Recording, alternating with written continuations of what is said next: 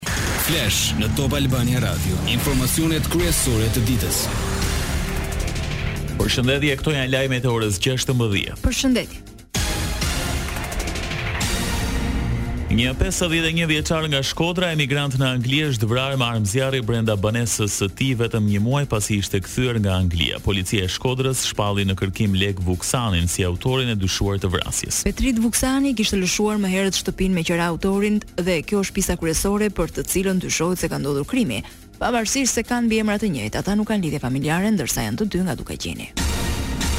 Pesëdhjetë e një vjeçari Petrit Vuksani ishte kthyer nga Mbretëria e Bashkuar para një muaji në Shkodër dhe jetonte vetëm në banesë. Autori është futur, ka debatuar e ka qëlluar dhe më pas është larguar në drejtim të paditur, janë ngritur pika kontrolli për të bërë të mundur kapjen e tij. Në gjyqet e ndalimit të anglezëve që morën pjesë në vrasjen e biznesmenit Nikulaj në Shqipëri, një prej tyre ka dhënë shenja se mund të bëhet i penduar i drejtësisë. Thomas Mithan ka folur para gjykatës se kishte ndërruar mendje dhe ishte kthyer në Angli nga Shqipëria që të mos bëhej pjesë e ngjarjes si pasojë. Mithan pranoi se përse kishte ardhur në Shqipëri dhe se çfarë duhet të bënte. Kjo është deklarata gozhduese për pjesën tjetër të grupit, e cila është një as i fortë tashmë në dorën e prokurores angleze që përfaqëson shtetin shqiptar në këtë proces ekstradimi. Zgjedhjet vendore 2023. Shqipëria voton. Nga Kolonja Edi Rama u shfaq aspak i merakosur nga slogani i vjetër të cilin e ripërsërit opozita Rama ik. Ata sa më shumë, sa më shumë vinë mbas meje me dy gishta, ik ik ik, i, aq më shumë ikin në drejtim të paditur, se harrojnë rrugën dhe nuk dinë nga të kthehen.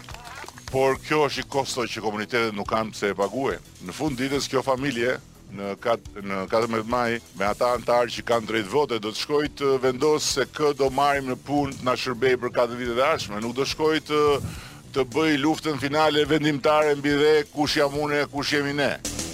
Kryesocialisti Rama bëri këtë koment për Ilir Metën i pozicionuar në këto zgjedhje në të njëjtën llogore me Sali Berishën. Është dhe Likja që nuk nuk lamë dy gurë bashkë që ta sillim në rrugë të mbarë, nuk vjen në rrugë të mbarë, nuk bëhet. Nuk lamë dy gurë bashkë që ta bëjmë Liken të sillet mirë. Ka bërë çka bërë, sillet mirë, të futet në rrugën e duhur. Jo mor nuk ka, nuk ka.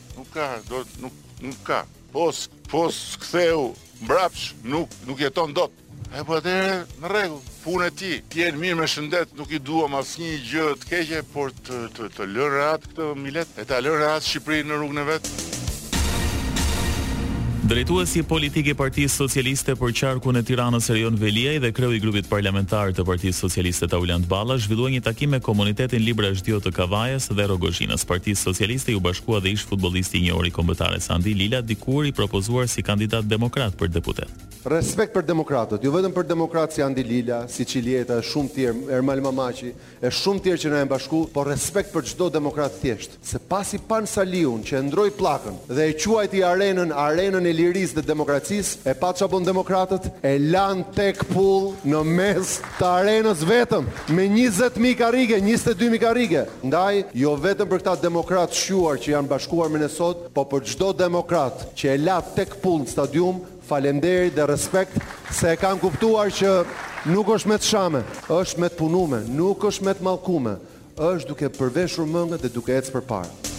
Ai tha se Sali Berisha, pasi u kthye në makthin e tre brezave, tashmë kërkon të shkatërrojë edhe të ardhmen e fëmijëve tanë. Më kujtohet Saliu kur erdhi në Rrogozhinë dhe në Kavajë, në Rrogozhinë nuk e dallonte dot kush ishte kandidati. Ata ia bënin me gisht dhe ai ngatroi nja dhjetë veta, ai as nuk e dinte kush ishte kandidati. Atyre s'ju ka humbë vetëm vula, ju ka humbë dhe ftyra, ju ka humbë dhe emri, nuk e dinë kë kanë.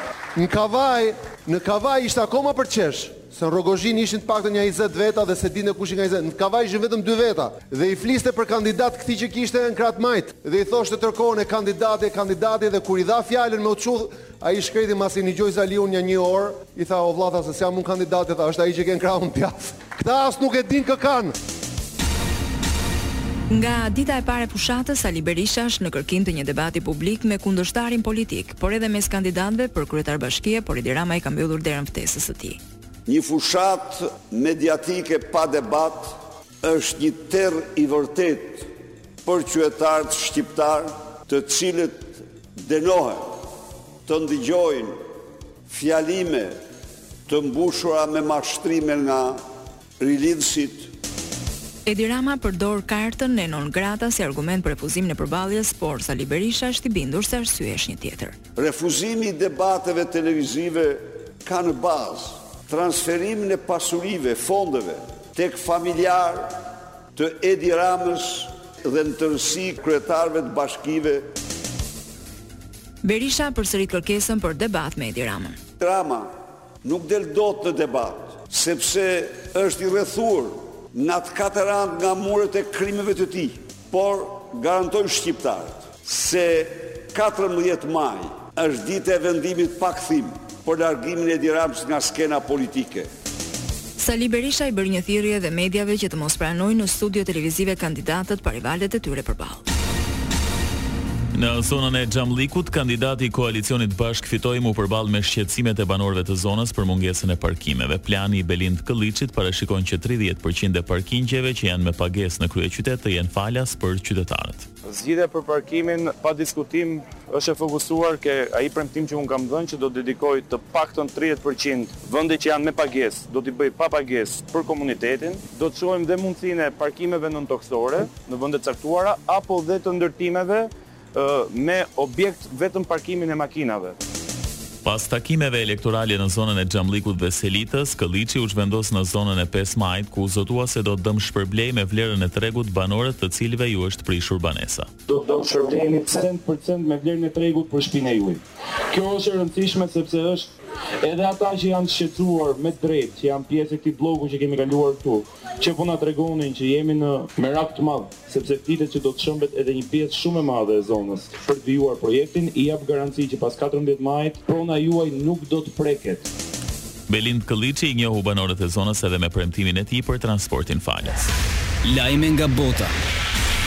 Sekretarja amerikane e Thesarit, Janet Yellen, njoftoi Kongresin se Shtetet e Bashkuara pritet të arrijnë kuotën maksimale të borxhit më një qershor, nëse ligjvënësit nuk e rrisin tavanin e borxhit para kësaj date. Në një letër drejtuar udhëheqësve të Dhomës së Përfaqësuesve dhe Senatit, Yellen kërkoi të mbrohet besimi i plotë dhe kredia e SHBA-ve duke vepruar sa më shpejt që të jetë e mundur për të rritur tavanin e borxhit prej tridhjetë e një pikë katër trilionë dollarësh.